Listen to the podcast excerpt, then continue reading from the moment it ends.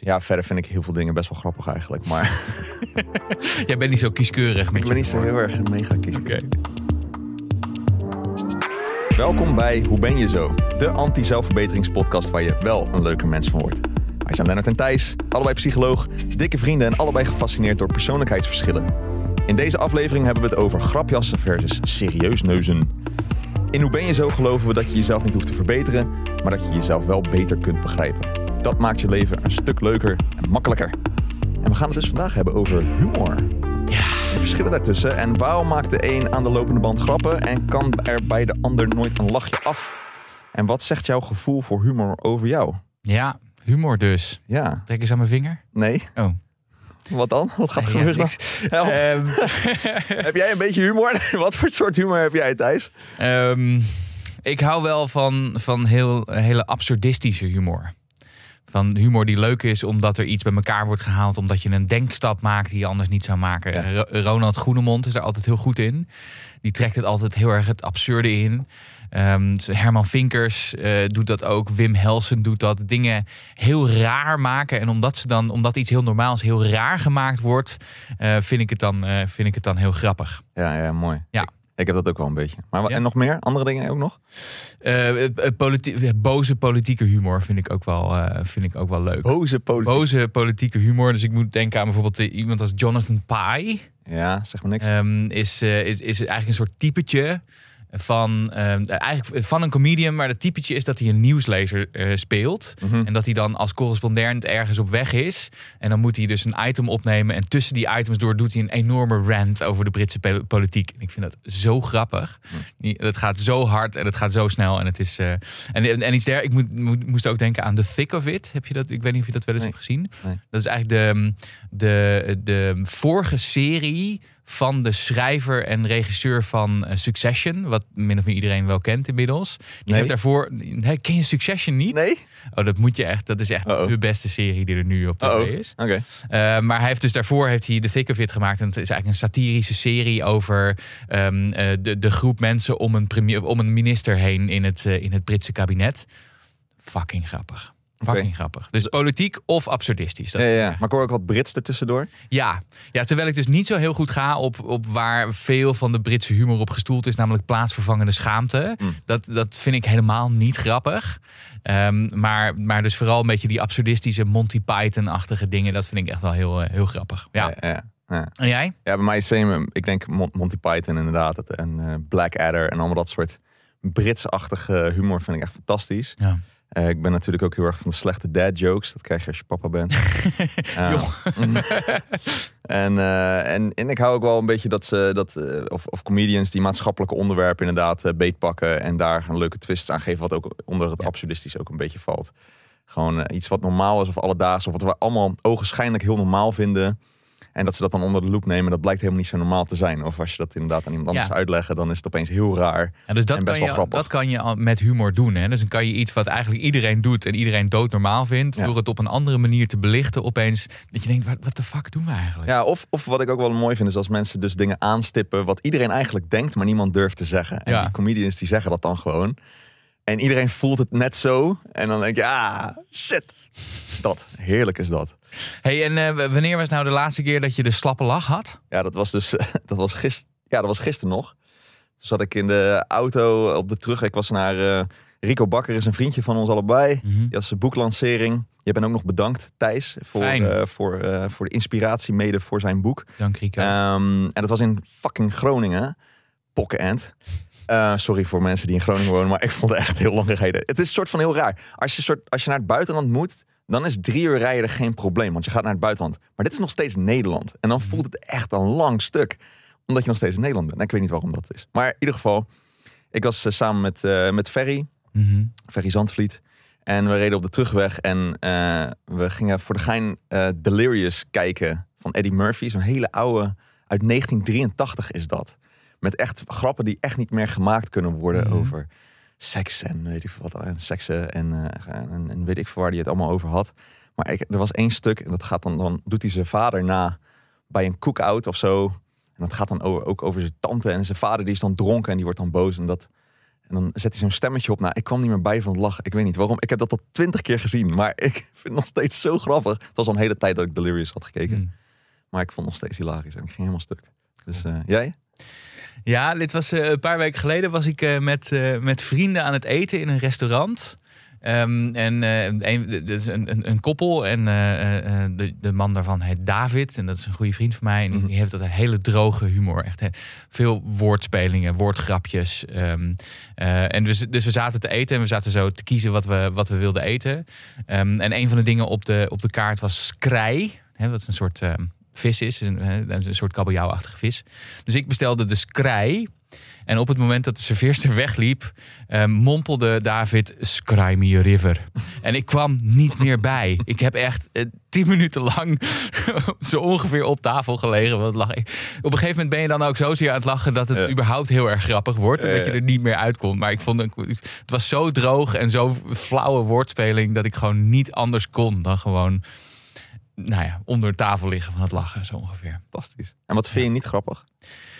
Ik, ik vind veel ehm, Amerikaanse stand-up comedy niet zo grappig. Ik vind het erg eh formulaisch, zeg maar. Erg, ehm, en vaak ook, weet je, het verschil tussen mannen en vrouwen is. En dan zo'n heel verhaal. En dat, ik vind het een beetje, ja, het is niet helemaal mijn humor, geloof ik.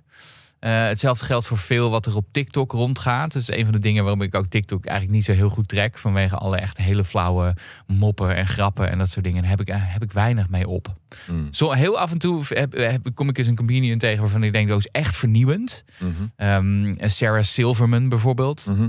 Hilarisch. Ehm, maar de, de, de, laten we zeggen, de doorsnee Amerikaanse stand-up comic vind ik niet zo heel grappig.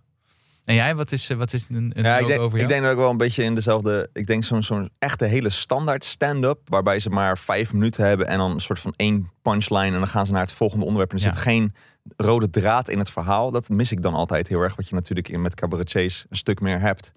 Maar bij die grote shows van Amerikaanse comedians. die eigenlijk ook gewoon eerst stand-up deden. daar pakken ze meestal wel een rode draad. En dan vind ik het een stuk leuker, inderdaad. Ja. Ja, ja, precies. Ja, verder vind ik heel veel dingen best wel grappig eigenlijk. Maar Jij bent niet zo kieskeurig met ik je ben niet zo heel erg mega. Oké. Nee, nee, nee, nee, nee, Humor Dus, dus. ja, humor En gaan het is best wel een beetje gevaarlijk wat we nu gaan doen. Want eh, praten over humor is natuurlijk ook het een beetje doodslaan natuurlijk. Ja, je hebt zeker. die, die, die bekende wijsheid van eh, humor analyseren is, eh, is net alsof je een, een, een kikker aan het ontleden bent. Het is eigenlijk voor niemand leuk en aan het einde zit je met een dode kikker. Eh, dus wat we, wat we proberen is daar ook een beetje grap. Als we het een te droog vinden worden, dan, eh, dan, dan gooien we er een paar grapjes doorheen. Oh, was dat is het. misschien wel een goed Ja, idee. toch? Heb jij, jij hebt dus wel wat grapjes. Ja, ik eh, zat te denken nog aan een. eh, ik, begin ik maar gewoon mee. Ja, begin als het voor mensen die het nu al te droog vinden worden. Eh, Ja. Dus een stukje politieke humor. Een grapje uit Oost-Duitsland. Het, het, het Sovjet-Oost-Duitsland. Dus ehm, in de tijd van, eh, van eh, voor de val van de muur. Eh, een Duitser wordt te werk gezet in een kamp in Siberië. Ja. Nu al grappig, hè? Ehm, en hij weet dat daar alle post, post nauwlettend wordt gecontroleerd. En hij spreekt dus met zijn vrienden een code af voor de brieven die hij gaat schrijven. Hij zegt, Ja. als ik in blauwe inkt schrijf, dan is wat ik schrijf waar. En als ik in rode inkt schrijf, dan is wat ik schrijf niet waar. En dat is precies het tegenovergestelde waar. Dus na een maand krijgen zijn vrienden van dat strafkamp een brief uit Siberië. En er staat, het is hier geweldig. Het blauwe inkt. Het is hier geweldig. Eh, De winkels liggen vol eten. Huizen zijn groot en goed verwarmd. Er zijn mooie films in de bioscoop.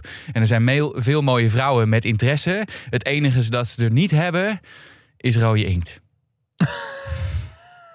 Stukje politieke humor van Oepsie mij. Goed. Heb jij nog, eh, kan jij er eentje in eh, ingooien dan? Ja, wil je er- Ja, voor we echt, ja, ja, ik ben wel benieuwd naar jouw, jouw dad humor. Het wordt of heel grappig of heel slecht. En als het heel slecht is, dan is het toch heel grappig deze aflevering. Dus Ja, eh, weet je, dus de super slechtste aller tijden is. eh, lopen drie. Eigenlijk oorspronkelijk was het drie Belgen, maar dat mag je niet meer zeggen. Dus we, eh, of nee, er lopen twee oenen naast elkaar. Zegt de een tegen de ander: mag ik in het midden lopen? Oké. oké. Ja? Ja, dat, dat niveau, ja? Waard. Goed, oké. Dat niveau. Eh, laten we beginnen bij. eh, eigenlijk is het best wel opmerkelijk dat wij mensen zoveel gebruik maken van humor en zoveel lachen. Mhm. Je zou het eigenlijk niet kunnen uitleggen aan. Stel dat er een alien eh, op aarde zou komen. Die zou je eigenlijk niet echt goed kunnen uitleggen wat we daarmee doen. Ja, dan hebben, zitten we een gesprek. En dan um, doen, zeggen we iets dat niet serieus is. Iets dat bezijden de waarheid is. En dan stoppen we even met het gesprek. Dan komt er een soort hele rare geluiden komen eruit. Hè, vanuit je buik of vanuit je keel. Um, en dan doen we dat heel hard. En als we met meer mensen zijn, gaan we nog veel harder lachen en zo. Het is eigenlijk best wel gek dat we dat doen, toch? Als je het zo beschrijft, wordt het heel gek, ja, inderdaad. nee, maar het is inderdaad raar. En, en, maar we doen het wel. Maar de reden dat we het doen, wat, wat er een beetje uitkomt, is dat het juist ons heel erg bindt als we dat doen. we, ja. we vinden elkaar een stuk leuker als we dat soort gekke geluiden uit onze buik en keel maken. Ja, dus het is verbroederend, zeg Juist. maar. Hè? Ja. Dus nou ja, en een gevoel voor humor, daar verschillen mensen dus op van elkaar. Um, en dat heeft eigenlijk twee verschillende kanten. Dus je hebt de ene kant van het gevoel voor humor is dat je, dat je humor kunt waarderen. Dat je grappige dingen kunt waarderen. En de andere is het dat je zelf grapjes bedenkt of veel grappen maakt. Of dat je heel creatief bent in het werken van, uh, van in het bedenken van grappen. Mm -hmm, En eigenlijk is, eigenlijk is het is het best wel gek. Want we hebben het ook wel eerder gehad in, in, deze, in deze podcast over dat humor een van de aantrekkelijkste dingen is in partners. Het schijnt overigens wel te verschillen tussen mannen en vrouwen. Dus want als, als mannen zeggen: um, Ik wil graag een partner met gevoel voor humor, dan bedoelen ze meestal: De vrouw moet om mijn grapjes lachen. en, uh, en andersom is het vaak dat. dat, uh, dus dat, een, dat Zwaar. Ja, en wil je graag dat de ander grapjes maakt om je, om je een goed gevoel te geven. Ja. Maar het is dus een sociaal gewenste eigenschap. En toen zeiden wij: Ja, nee, dat is logisch is allemaal humor. Het is allemaal... Maar eigenlijk is dat vet raar. Waarom is het raar, Thijs? Nou ja, we, we, stel dat je, dat je evolutionair eh, een, een goede partner moet uitkiezen. Waarom zou je dan vooral een partner met humor willen? Dan wil je toch waarschijnlijk iemand die sterk is, of die goed is in bepaalde dingen, of die um, heel slim is. Of, hè, dat zijn de soort van de partners die je dan uit zou kiezen, zou ik zeggen. Maar wij vinden dus blijkbaar als mensen humor heel belangrijk. Waarom?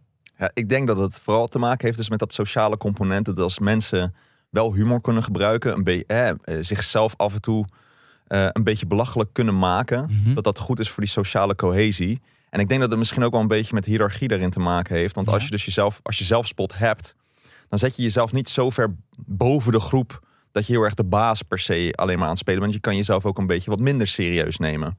En misschien is dat juist wel een hele aantrekking, want je kan je meer relaten met elkaar Ja, meer aan elkaar, eh, iets aan elkaar hebben. Je kan de ander ook iets zeggen, vinden, iets vinden van de ander zonder dat de ander daar heel erg boos over wordt of verdrietig over wordt of weet ik veel wat. Want diegene Ja. heeft een beetje humor.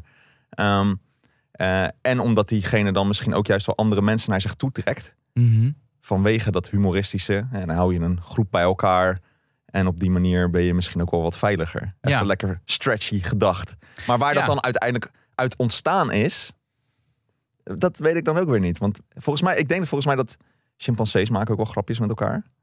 Ja, een hele fysieke vorm van humor. Hè? Die, die, die, die, die, die kietelen elkaar of die lopen dan achter elkaar aan. Of, Volgens mij eh, hebben ze ook ja. wel eens van die onderzoekjes gedaan dat ze dan chimpansees die, die houden heel erg van eh, slapstick humor. ah ja. Dus als dan, eh, dus in de zin van als ze een of andere man, ook mensen, zeg maar op hun plaats zien gaan, dan moeten ze heel erg hard lachen. Ja. Of dat vinden ze heel grappig. En dan trekken ze andere chimpansees erbij. Moet je nou eens kijken, die gast gaat op zijn mel. En dat, dat dus, we- en misschien hebben we hele, dat. hele basic humor. Dat is basic humor. Hele basic humor. Dus het- onze Zet humor is ook. van Van Cote en de Bie op en ze zullen het niet appreciëren. Maar Nee. dit is dan wel weer grappig voor Maar het is wel grappig dat Ja, humor dus ook geëvalueerd is. Hè? Dus dat er steeds meerdere niveaus van humor misschien wel komen. ja.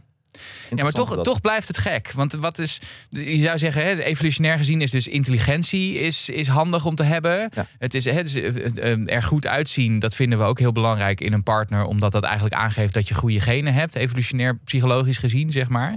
Maar waarom dan humor? Ja, het, het, het heeft te maken met ook dat je dus Het is dat je, genoeg, dat je eigenlijk zelf, zelfzeker genoeg bent om ergens grapjes over te kunnen maken. Mhm. Ehm, en eh, slim, een beetje slim grapjes maken is ook een manier van laten zien dat je intelligentie hebt, natuurlijk. Misschien is dat het ook wel. Hè? Het Ja. laat zien hoe intelligent misschien mensen ook op een bepaalde manier zijn. Ja, en het is ook een soort van spel, zat ik te denken. Dus het- als, je, als je een grapje met iemand maakt, dan, kun je, dan ben je dus eigenlijk verbaal een beetje aan het spelen. Dus je laat zien dat je een beetje spitsvondig bent met ideeën. En het is eigenlijk een soort verbaal dansen. Hè. Wij, gra- wij maken een grapje met elkaar. Eh, ik zeg iets dat jij goed begrijpt. En, dat, en we pingpongen zo een beetje heen en weer. Dat is ook wel vaak wat je hebt als je met een groep mensen bij, bij elkaar bent. En het wordt dan. En dan kun je ook wel hebben dat je opeens kijk, een grapje aan het maken bent en dat er een grapje overheen komt en nog een grap overheen en het brengt weer. Hè, dus dat is ook een soort van we zijn aan het spelen met woorden en met ja, ja. ideeën, zeg maar. Hè? Ja, ja, dat is Ehm, ook wel in. En misschien laat je er ook wel mee zien van dat je niet alleen grappen om anderen kunt maken, maar dat je ook een grapje aan kunt. Hè? Dat je een beetje geplaagd, dat je eh, zelfverzekerd genoeg bent om een beetje geplaagd te worden.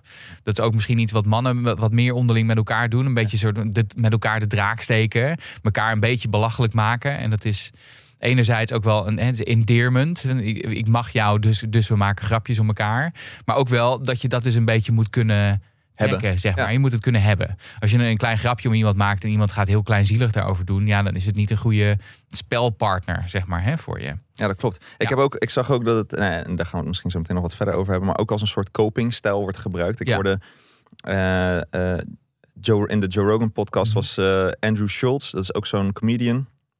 En ze hadden het er allebei over van hoe hun humor was ontstaan. Hè? Want ze allebei, eh, omdat ze allebei comedians zijn, hoe is hun gevoel voor humor dan ontstaan en hoe maakten ze dan grapjes? En die Andrew Schultz die, die vertelde wel wat grappigs dat hij eh, in New York werd, eh, was opgegroeid in een huishouden waar er best wel felle tantes waren. Eh, die dan ook vaak dan over de vloer kwamen. En die dan vooral, als, toen hij als klein kind was, veel grapjes over hem maakte. Over zijn uiterlijk of over hoe hij eh, gedroeg. En, eh, en hij moest op een bepaalde manier van zich afbijten. Mhm. Om zich te, ja, een beetje te kunnen weren tegen die felle tantes van hem. Ja, En dat deed hij dan dus mede door humor. Dus hij ging dan ook weer grapjes over terugmaken over hun. ja. En hij moest dus, ja, om zichzelf een beetje het staande te kunnen houden en niet om te vallen binnen die familie, moest hij echt wel even zijn humor gaan gebruiken. En dat werd steeds beter en beter. Nou, uiteindelijk is hij dan comedian geworden. Ik vond dat ook wel mooie. Dus het is ook een soort coping ding. Ja, dus inderdaad, we komen straks nog op de verschillende stijlen van humor. Er zijn verschillende humorstijlen, maar je laat er in ieder geval mee... mee je on- de humor kan heel erg ontwapenend zijn. Hè? Dus je kan een, een angel uit een situatie trekken. En je kan ook laten, het is ook een manier van laten zien van... hé, hey, ik ben er verbaal gezien, zeg Ja, maar. Hè? ja. En vaak heb je natuurlijk ook die comedians die... Die hebben vaak ook wel ergens iets dat het, dat het vroeger als kind heel noodzakelijk was om grapjes te maken. Om Dat ze een, gepest een werden. depressieve ouder op te vrolijken. Of omdat ze gepest werden. Of omdat ze eh, niet zo sterk waren als hun leeftijdsgenoten. En dan op die manier moesten laten zien van... hé, hey, ik ben er, zeg maar. Hè? Ja, ja, ja. Ja, precies. ja, super cool. Ja. Misschien dat- is het wel weer tijd voor een, voor een grapje, denk je niet? Ja, wil je een grapje horen? Ja, ja, denk, het- ja, dat lijkt mij toch? Anders wordt het een beetje droog. Ja, zal ik hem doen? Ja, ik, had- ik, Vertel. Nou, dit is het Jij grapje hebt dan. het niet dit is- opgeschreven? Je, Nee, doet ze uit je hoofd? Ik, nou, dit is het grapje uit Delirious van, eh, van Eddie Murphy. Die ik, want dan zegt hij ook in zijn show van ja, heel veel mensen proberen dan allemaal grapjes uit mijn show te kopiëren en te, te vertellen tegen hun vrienden. Dat gaat natuurlijk nooit goed. Dus hier heb je een mop, die kan je vertellen tegen iedereen. En dan ben je ook nog een beetje grappig. Dus, eh, een, eh, en dus misschien ken je wel als je Delirious hebt gezien, maar een eh, beer en een eh, konijn die staan te poepen in het bos. Eh, en dan zegt de beer tegen het konijn: Vind je het ook zo vervelend als poep in je vacht blijft hangen? En het konijn zegt: Nee hoor. En toen pakte de beer de konijn op en veegde zijn reet met de konijn af. Oké.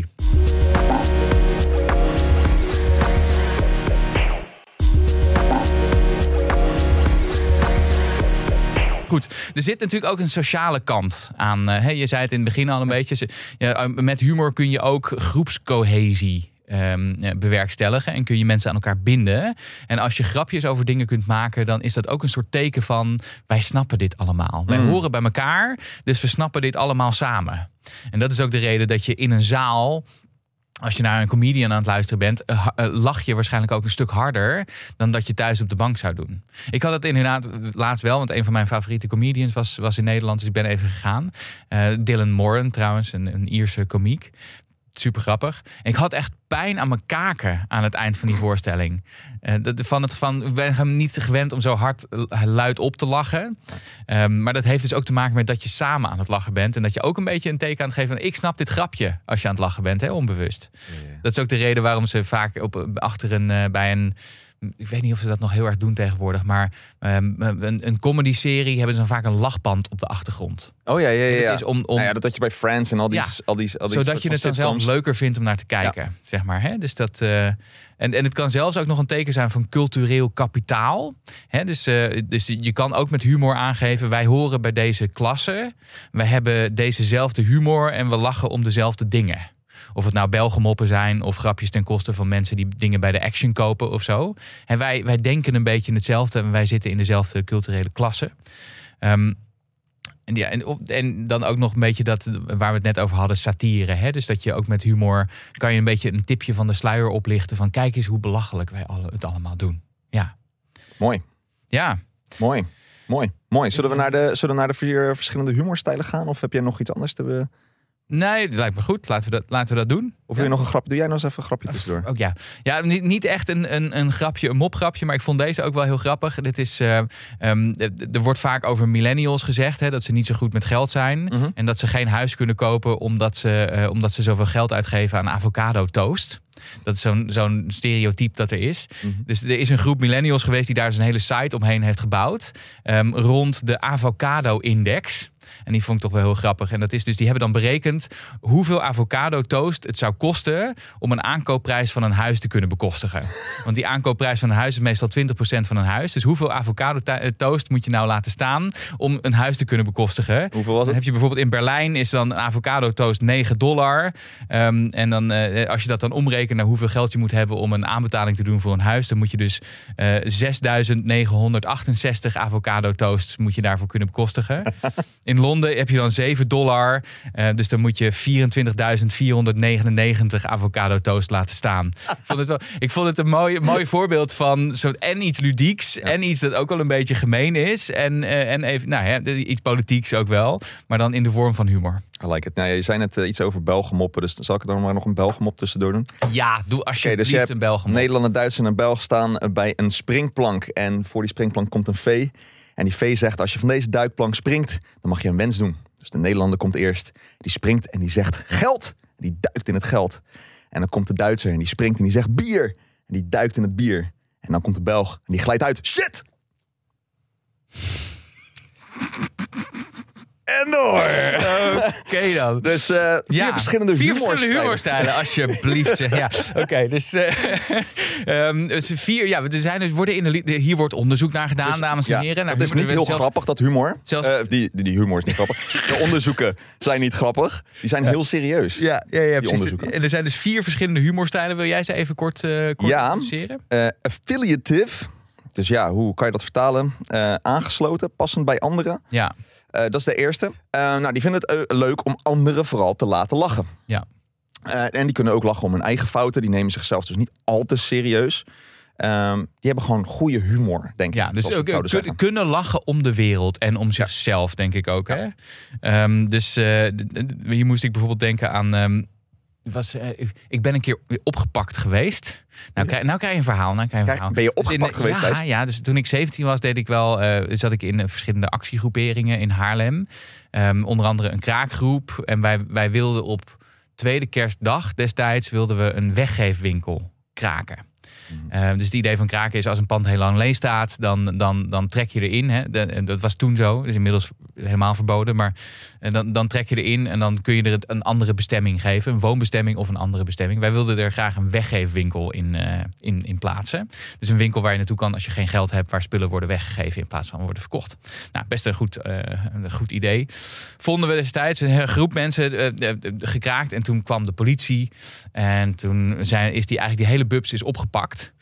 Dus we werden met een hele bubs krakers ehm, in eh, de gevangenis gegooid. Of tenminste in de gevangenis, in, op, op het politiebureau. En ze hadden niet genoeg cellen, dus we werden op de luchtplaats van het politiebureau gezet. Dus het was diep in december, het was tweede kerstdag. Ehm, dus het was koud. En we zaten dus met twintig krakers opgesloten op de luchtplaats van, van een Wat is de luchtplaats? politiebureau. Wat is dat? Ja, de plek waar je dan eventjes een luchtje kan scheppen. Dus Oh, dus, tussen, tussen vier muren heen, maar dan boven Wel heb je wel buiten inderdaad. En het sneeuwde ook een beetje, het was koud en Oh, ellendig. Wat gingen wij dus met z'n allen doen? We hadden even geen vrijheid toen, alle telefoons werden, we wisten niet wat er ging gebeuren. Grapjes maken met elkaar. Zingen en grapjes maken met elkaar. Om de situatie, om wat er gebeurd was. Om die maffe agenten die ons hadden ingerekend en zo. Dus dat werd, werd er ook een manier om om te gaan met die situatie. Het was een Mooi. soort copingstijl, wat jij Mooi, net zei. mooi, hè? mooi, mooi, mooi, mooi. Ja, dus vond ik wel een mooi voorbeeld van die affiliative Ja. eh, manier van, eh, van humor. Ja, zeker. Tof. Oké, de tweede dan. Dat is dus zelfvergrotende humor of self-enhancing humor. En dat is dat je eh, een positief beeld over de buitenwereld hebt en houdt. eh, ook als dingen eh, slecht lijken te gaan. Ja, Ehm, Dus ja, wat, hoe kunnen we dat een beetje dit is, een voorbeeld daarvan geven? Je- dit is je, jezelf ehm, een beetje ondersteunen met humor. Juist. En ook wel de wereld een beetje belachelijk kunnen maken. Mhm. bijvoorbeeld. Ik, moest, ik moest bijvoorbeeld denken aan ehm, eh, Ronald Goenemond, die ik heel erg goed, goed vind. En die heeft ehm, een fantastische sketch dat hij uitlegt over hoe hij altijd ruzie heeft met de dingen. En dat kan, daar kan ik me heel erg in relateren, want ik heb ook vaak ruzie met de dingen. Ehm, en dus de rant al bijvoorbeeld- aanzetten? Of, eh, eh? nee, nee, nee, dat, dat, dat nog niet. Eh, maar ruzie met de dingen, bijvoorbeeld als je, dan, als je dan aan het stofzuigen bent en er zit een knop op een stofzuiger waarmee je die, die, ehm, de, de, de, de stekker kunt laten oprollen en dan druk je dat en dan blijft hij halverwege steken. Hè? Mhm. Dus daar dan heel boos om kunnen worden. Nou, daar heeft, heeft Goedemond een fantastische sketch over. Moet je maar, zetten we wel even in de, in de show notes. Gaan we zeker doen. Maar dat vind ik echt een, een, een. Dus iets waar je gefrustreerd om raakt. En daar dan om kunnen lachen. En het dan minder erg maken. Ja, dus een beetje de negativiteit eh, juist wel weer wat Ja. fijner maken. Ja, Ja, het is, ook, het is dus ook een beetje die, die copingstijl waar je het net over had. Omgaan met een moeilijke situatie. Ik moest ook nog wel even denken aan hoe eh, artsen en psychologen en psychiaters... die dus vaak te maken hebben met hele zware situaties... veel verdriet, veel grote emoties... die hebben vaak ook een soort galgenhumor.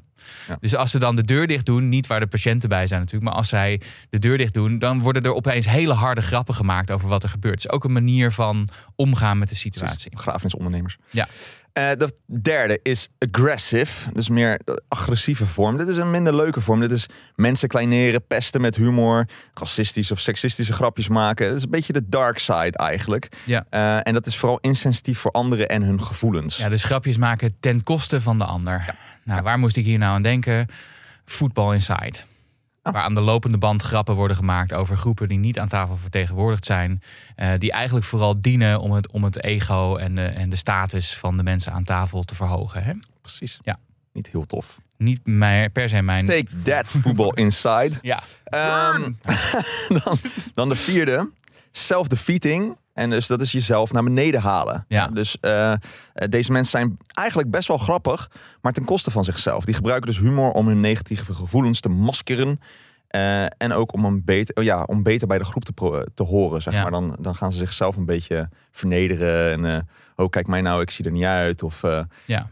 ik, ik ben toch zo lelijk. Hahaha. Weet je wel, dat terwijl het valt wel mee. Of misschien is diegene dat wel, dat weet ik niet. Maar Ja. eh, een beetje om bij de groep te horen en een beetje in een positief daglicht te komen. Ja, maar dus niet jezelf naar positief. beneden halen. Hè? Dus die, die, die van net ging over anderen naar beneden halen. Dit gaat over jezelf naar beneden halen. Yes. Wat ook hè, wo- wo- wordt in de literatuur als een heel negatieve stijl eh, eh, geponeerd. Maar ik denk dat het ook wel een positief deel heeft. Het is in ieder geval, hè, dus jezelf laten zien dat je een beetje zelfspot hebt. Yes. Kan ook een hele goede strategie zijn, zou ik zeggen. Ja, maar wat, wat wel ook was, als je een beetje kijkt naar die verschillen, dan is die eerste, die affiliative, dus het aangesloten en passend bij andere st- stijl van humor, die neemt zichzelf ook niet al te serieus. Hmm. Maar zal zichzelf niet per se helemaal naar beneden halen. Dit is echt wel die hard naar beneden halen. En dat, Ja. dat het eigenlijk niet. Dat mensen die misschien daarnaar luisteren denken: oh, dit, het is wel grappig, maar ergens is het ook niet goed voor je. Weet je dat je dat wel echt voelt. Terwijl Ja. bij zelfspot eh, voelt het niet zo als, alsof diegene daar nou echt. Die vindt zichzelf gewoon prima. Ja, ik zat, Ja. ik zat hierover na te denken. Ik, ik- en toen, dacht, toen besefte ik dat ik dus eigenlijk bij een lezing dit vrijwel altijd doe. Oh ja? Ja, dus dan vaak, hè, dus ik doe vaak iets over stress. En dan heb je een psycholoog op het podium en vertelt iets over stress. Kan ook heel zwaar zijn. Dus ik wil eigenlijk zo snel mogelijk het publiek laten weten. Het, is niet, het gaat niet zo heftig zijn en we kunnen erom lachen. Dus wat ik dan vaak doe, is een vraag van: hey, wie, wie merkt er in zijn team wel eens behoorlijk wat stress?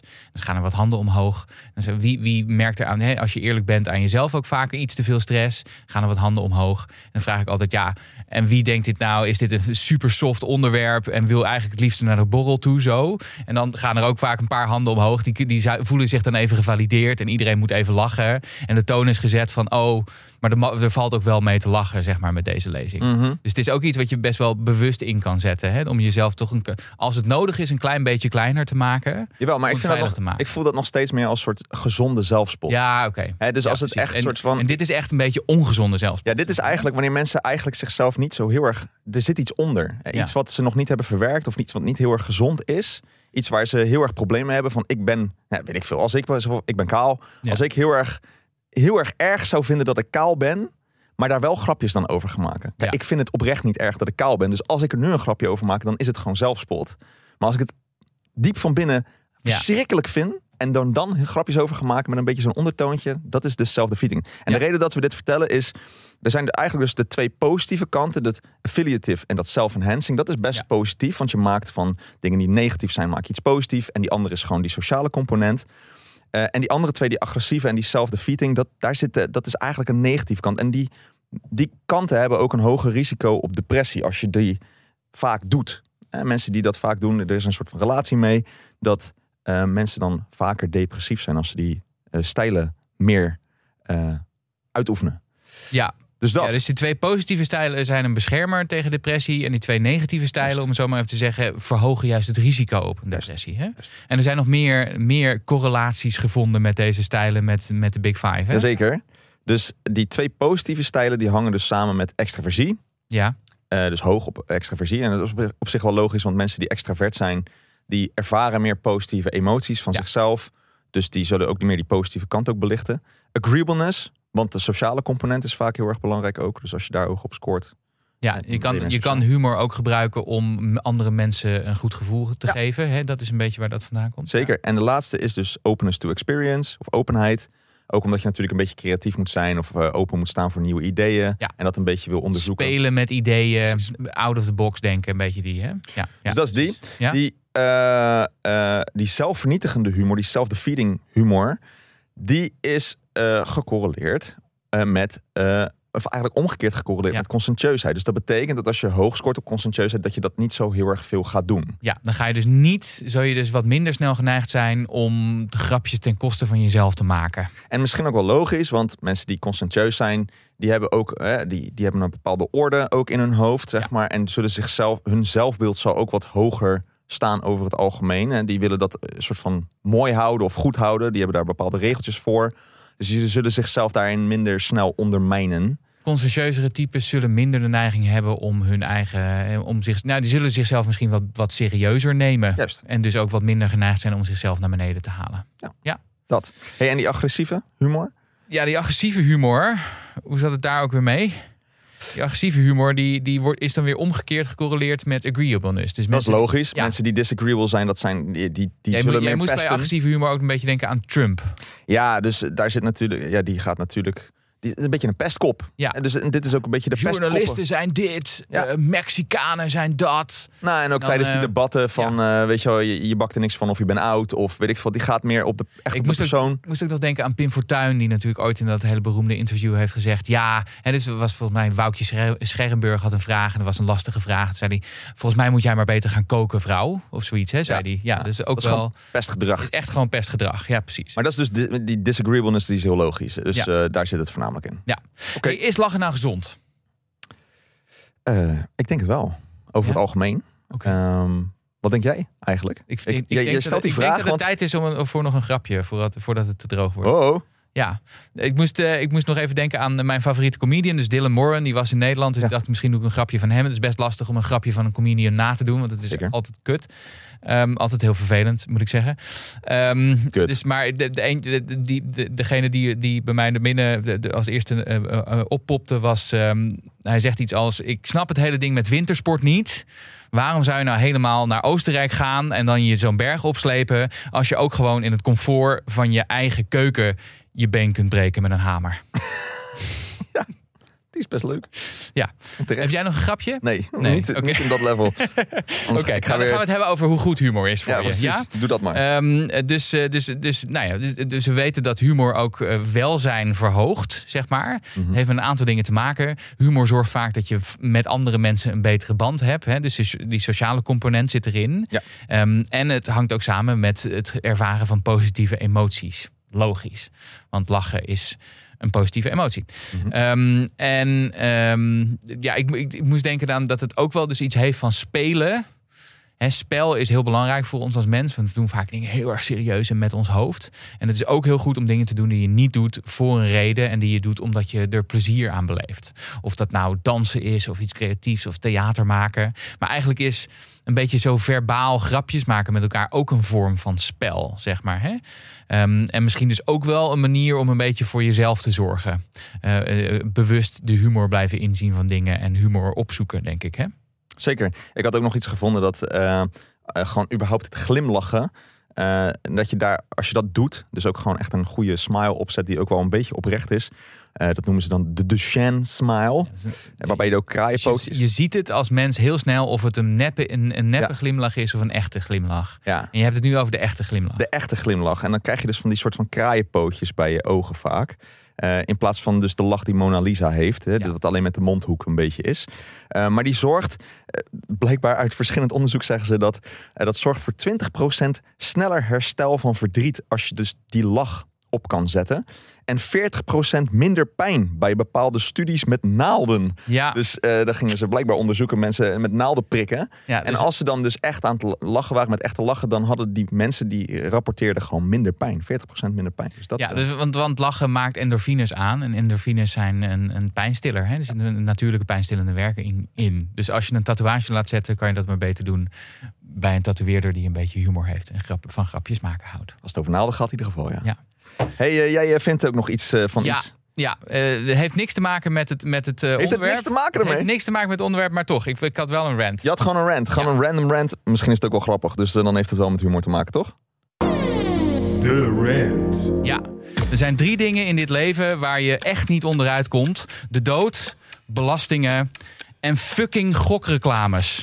Mijn buurt hangt al maanden vol met posters van online casino's. En toen ik laatst weer eens tv keek, schrok ik me dood. Minutenlang reclame over mensen bij een kapper die een jackpot winnen. Mensen bij een bruiloft die een jackpot winnen. Allemaal via hun telefoon, wat geweldig. Al hun dromen werden waarheid. Alle mooie spotjes konden helaas niet verhullen. Gokken is gewoon een verslaving. Ehm, en wie is de grootste markt voor deze reclames? Mensen die het eigenlijk niet kunnen betalen. Helemaal tragisch, want de kans dat je een prijs wint met je krastlot is tientallen malen kleiner dan dat je wordt overreden op weg naar de winkel om die te kopen. Gokbedrijven bieden niks. Ze zijn er alleen maar om je onnodige risico's te laten nemen en je leeg te zuigen. Het zijn dus gewoon hele rijke parasieten. Wat mij betreft verbieden we ze niet alleen, maar laten we ze ook opdraaien voor wat ze veroorzaken. Vet veel schulden en de kosten van verslavingszorg. Ja, damn, dat is een goede rant, man. Dank, dank. Ja. Binnen de tijd. Ik, eh, ik voel een politiek themaatje. eh, Ja, lekker- toch? Lekker hoor. Lekker. En binnen de Goed. tijd ook nog. Jee, Ja, wat goed. nou dan is dat eruit. Hè. Ja, kunnen we weer wat grapjes maken. Ja, oké. Maar wat is nou het belang van... Wat, wat moeten we hiermee? Met eh, al die humor... Ja, met die gokdingen, daar moeten we zeker wat mee. Maar Ja. wat moeten we nou ook met dat humorverhaal? Ja, ja nou, ook weer hier begrijpen dat dus een gevoel voor humor, dat verschilt per mens. En sommige mensen hebben een heel goed gevoel voor humor. En andere mensen hebben wat minder de neiging om, eh, om grapjes te maken. Of er wordt, we zitten vaak aan tafel en er worden de grapjes gemaakt. Die je denkt, waarom lachen mensen nou zo hard? Ja, Of Is maken dat- gewoon pestgrapjes en dat zijn gewoon vervelende mensen. En daar moet gewoon een stokje voor gestoken worden. ja, ja, maar dat is misschien nog wel de vraag van wanneer gaat humor te ver? Ja. En ik moest laatst denken aan. ehm, oh, Je moet nu al lachen. Het Ja, dit te is ver, maar- beschamend om dit toe te geven. Ik was, eh, ik was een, een, een schrijfworkshop aan het doen bij Kluun. Vet leuk om te doen. Ehm, en hij maakte. Ik, het was, we kregen een opdracht dat we samen met iemand anders een, een verhaaltje moesten schrijven. En we waren dus helemaal bezig in het creatieve proces. En Kluun maakte een filmpje voor zijn Instagram. Wie is Kluun? Kan je dat Eh Kluun is een schrijver van, van Komt de vrouw bij de dokter en weet je, dat, dat soort boeken. Ehm, en hij maakte een filmpje van de mensen die dus aan, aan het werk waren aan zo'n scène. En ik was net bezig samen met die partner om mijn personage iets racistischer te maken. Ehm, want dat mag natuurlijk in fictie, want dat hadden we even nodig. Want we hadden een te- grotere tegenstelling nodig tussen de personages. En dat zei ik dus in dat filmpje. En toen dacht ik later, fuck. Deze mensen hebben de- deze context allemaal niet, die dit zien. En die zit- zien mij gewoon vooral zitten. En dan zeg ik, oh, ik ben nu even een personage hartstikke racistisch aan het maken. Dus hè, soms vloept er zoiets uit waarvan je later denkt, ah, is dat nou wel handig? Zeg maar, hè? Ja, Dus ja, dat. Ja, ja, ja. Maar ja, er zijn best wel wat, eh, wat, wat verschillende grappen die inderdaad echt niet meer kunnen. Nee. En misschien ook naar de toekomst toe echt niet meer kunnen, inderdaad. Nee. En het lastige is dat, dat wat vandaag kan misschien over tien jaar niet meer kan. Juist. Net zoals als je nu terugkijkt naar een aantal van die shows, bijvoorbeeld die van Eddie Murphy, dat, Ja. je, dat je soms grappen ziet maken dat je denkt, oeh, dat zou nu echt niet meer kunnen. Nou, hij kan het nu echt niet meer zeggen, heel veel dingen. Ja. Nee. Dus dan is het misschien ook wel goed om daar met een toch een beetje begrip naar te kijken. En in ieder geval dat het uit een andere tijd komt, ook al kan het nu eigenlijk niet meer. Precies. Ja. Precies. Ehm, eh, ook Aristoteles vond trouwens dat, eh, dat humor te ver kon gaan. Die, die Toen al? beschreef- Ja, die beschreef ergens in zijn, eh, ehm, in zijn schrijfsels, eh, schreef hij, onderscheid, onder- onderscheidde hij buffoons. Wat je een beetje kunt vertalen met hansworsten. Mhm. Dat zijn namelijk grappenmakers die andere mensen kwetsen. Of, ehm, hè, dus denk weer aan Football Insight. Of smakeloze grappen vertellen en daarmee andere mensen van hen afkeren. En dat vond Aristoteles echt niet zo'n hele positieve eigenschap. Om te Ah. Ja. Ja. ja, dat is ook weer, komt een beetje op die agressieve eh, weer eh, terug. Hè? Ja. Ah, ah. In ieder geval die, eh, die buffoons. Buffoons. Ja, ja. Ja, en ik moest Dat. ook nog denken aan, we hebben een, een, ehm, een podcast laat laatst opgenomen met eh Ferry Ferry Zandvliet. Zandvliet en Edino van Dorsten En van de van Dor- podcast ja. Overleven. Ja, en die vertelde een heel mooi verhaal dat zij samen in, eh, ehm, in, in Frankrijk waren, in Parijs waren. En zij hadden een soort aanvaring s'avonds. Ze hadden allebei wat gedronken. Ehm, en Edino wilde aan Ferry een aantal eh, hele oprechte dingen zeggen. En Ferry bleef maar grappen maken. Wat ook een beetje, wij wij kennen Ferry. Redelijk goed, dat is Ferry. Er is helemaal niks mis mee. Maar die, een gegeven moment kregen ze echt ruzie met elkaar. Omdat Edino dacht, ja, ik wil je nu echt iets serieus vertellen. En Ferry kon gewoon niet stoppen met grappen Ik kon het maken. niet serieus nemen. Nee. dus dat is, hè, dus als, je, als iemand iets serieus wil vertellen en jij dendert er alleen maar overheen met grapjes, dan, eh, dan gaat het natuurlijk ook nog wel eens mis. Je moet ook wel eens een keer weten wanneer je moet stoppen. Ja, Ferry. ja. Dus, en heel veel andere mensen eventueel. en dat geldt misschien ook voor ons eh, afsluiten, denk ik maar. Ja, we maken weer te veel grapjes. We, naar de, we, hebben, we hebben nog eh, post gekregen Ja, eh, van eh, Moana. Als ik het goed eh, zeg. Eh, even kijken. Ik vroeg me af hoe het samenspel van de Big Five karakteristieken elkaar out kunnen cancelen. Ik ben zelf namelijk niet echt conscientieus, maar score wel echt heel hoog op agreeableness. Ik woon met huisgenoten en ben in een gemeenschappelijke ruimte erg opgeruimd. Alleen is mijn kamer best slordig. En de werkdrift van conscientieusheid voel ik eerder in groepsverband omdat ik mensen niet teleur wil stellen of boos wil maken.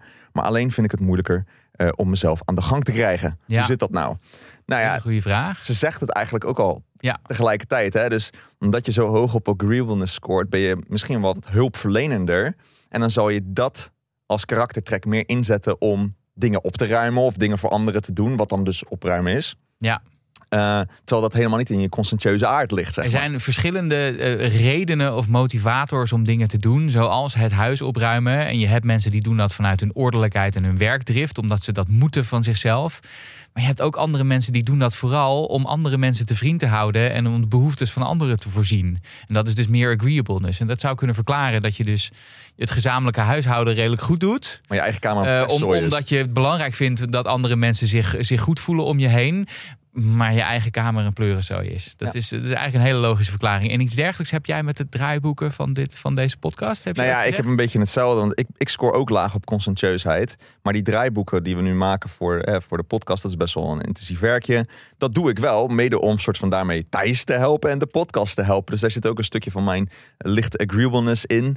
Ehm, eh, ja, dat helpt dan wel weer om, eh, om dit soort dingen te doen. Ja, wat En- ook weer een hele goede. Dus als je weet van jezelf dat je iets laag conscientieus bent. en dat je niet vanuit jezelf heel erg gaat werken.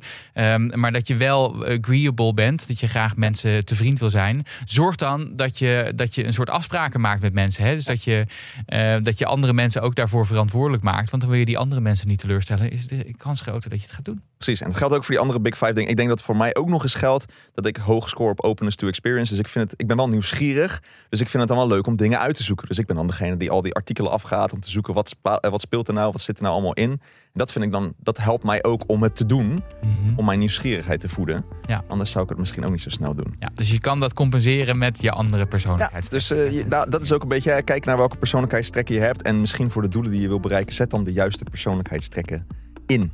Goed. Dank je voor je vraag, Moana. Ja, we gaan afronden. Yes.